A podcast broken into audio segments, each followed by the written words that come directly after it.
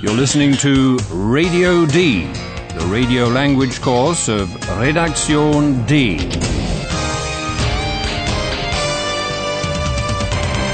A joint project of the Goethe Institute and Deutsche Welle Radio.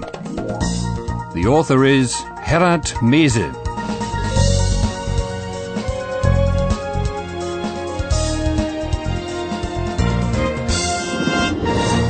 Listeners. A warm welcome to episode two of the German language course Radio D. Now, you may remember the young man Philip in the first episode. He drove into the country full of enthusiasm, but didn't find the idyll he expected there. He's bothered by flies and stung by a bee, and he flees from the garden to his room. But he doesn't find the peace and quiet he wants there either. Listen to this scene and decide what's bothering Philip.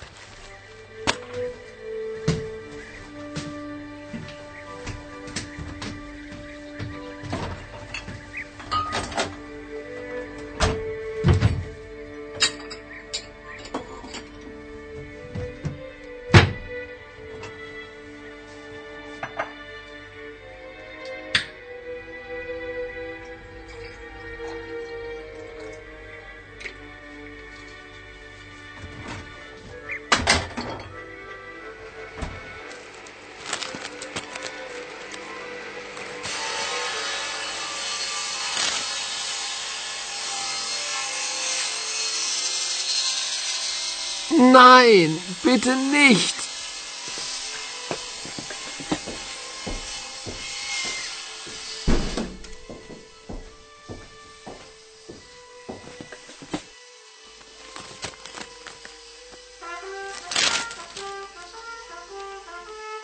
Oh nein, bitte nicht.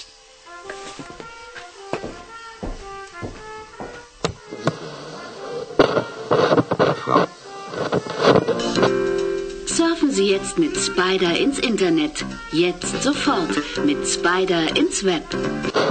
von. Deutschlandfunk. 17 Uhr die Nachrichten. Berlin. Das Bundesgesundheitsministerium hat im Skandal um das Medikament Placebo Forte erste Konsequenzen gezogen. Hallo, liebe Hörerinnen und Hörer.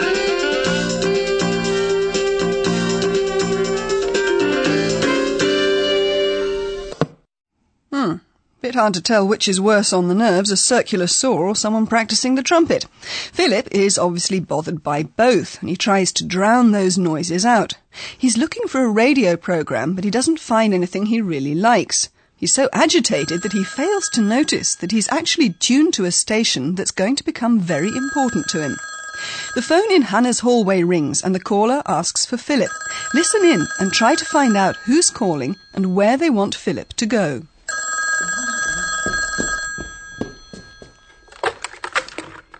Hanne Frisch, guten Tag. Philipp? Ja, der ist da. Einen Moment bitte. Philipp, Ja? Telefon, Was? Telefon. Wer? Paula, Wer? Paula von Radio D. Hallo, Paula? Was? Ist ja super. Okay, ich komme sofort. Tschüss. Mutter, ich fahre nach Berlin. Was, nach Berlin? Sofort? Ja, sofort. Zu Paula von Radio D. Sorry. Well, something big seems to have happened there. A woman called Paula has rung, and she's apparently with a broadcaster called Radio D. She wants Philip to come to Berlin. That's all we'll find out in this edition. Why he should go to Berlin, what Radio D is, and what Philip's got to do with it is for the coming episodes. Here's our professor.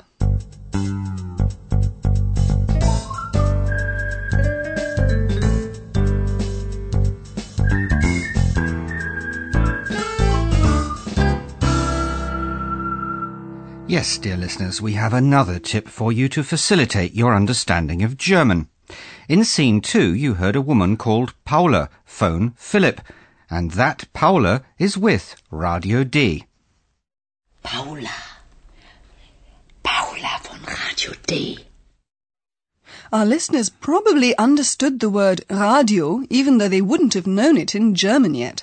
There are many German words whose meaning you can guess. They may sound similar in your own language, or you may know them from English or French. Although most of these words sound a bit different in German, they do often sound very similar. Listen to the word radio once more in German, in English, and in French. Pay particular attention to the different accentuations. Radio. Radio. Radio. Was? Nach Berlin? Sofort? Ja, sofort. Zu Paula von Radio D. Sorry.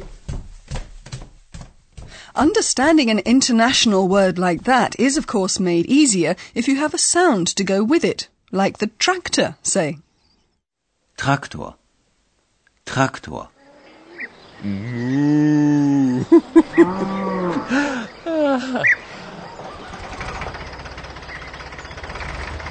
Naja, der Traktor. Hm.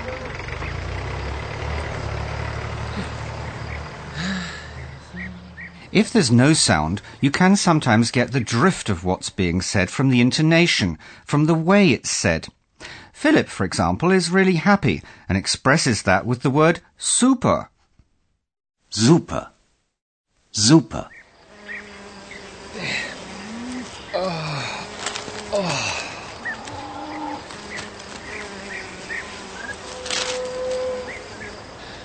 Super. Einfach super hier. But when you've got someone speaking more or less neutrally, like a newsreader, say, that tip's not much help, of course. That's quite right. You really have to prick up your ears in that case. Give it a go. Can you hear the word Konsequenzen? Deutschlandfunk. 17 Uhr die Nachrichten. Berlin. Das Bundesgesundheitsministerium hat im Skandal um das Medikament Placebo Forte erste Konsequenzen gezogen. Well, you probably picked quite a bit more out of that news item. That's because the news is structured in a particular way. First, you hear the name of the station, then the time, then the announcement that news is coming, and in Germany you also often hear the name of the city the news is from or about. That's right. In the last example, dear listeners, you could combine two techniques. You know that proper names occur in many news items, like the names of cities, politicians, sports people, and so on. And you were waiting for words you know from your own or another language. Together, that helped you to understand quite a bit of what you were hearing, right? Deutschlandfunk. 17 Uhr die Nachrichten. Berlin. Ah, that's it. School's out for the day. Oh no, just a second, oh. please. I'd like to point out something.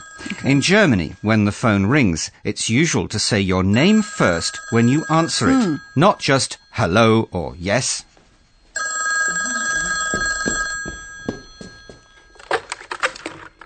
Anne Frisch, guten Tag. Philipp? Ja, der ist da. Einen Moment bitte. Philipp! Ja?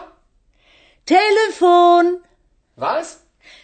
Telefon! Here's the scene with the phone call again, broken up into smaller bits.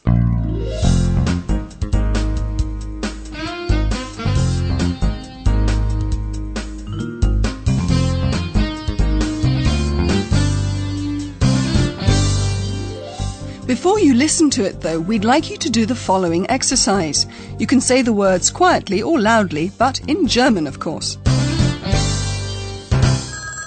The phone rings in the house. Hannah Frisch answers it and asks the caller, a woman, to hang on for a moment. What does Hannah Frisch say? Anne Frisch, guten Tag. Philipp?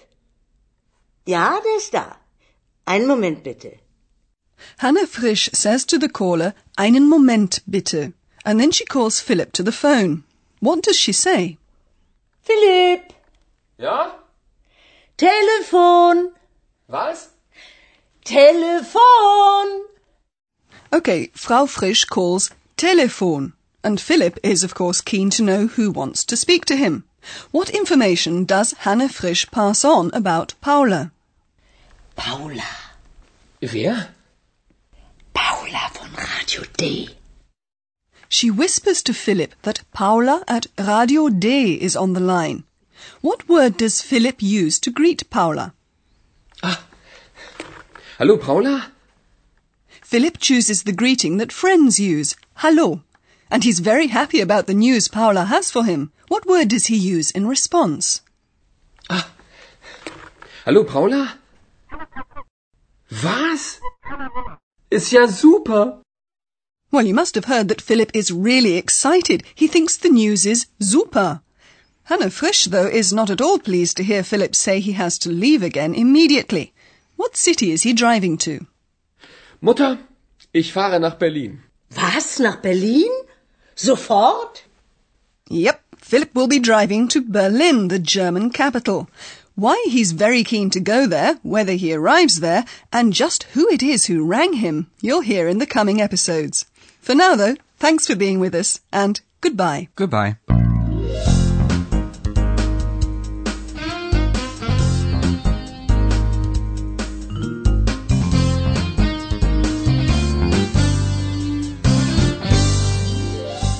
You've been listening to Radio D, a German course of the Goethe Institute and Deutsche Welle Radio.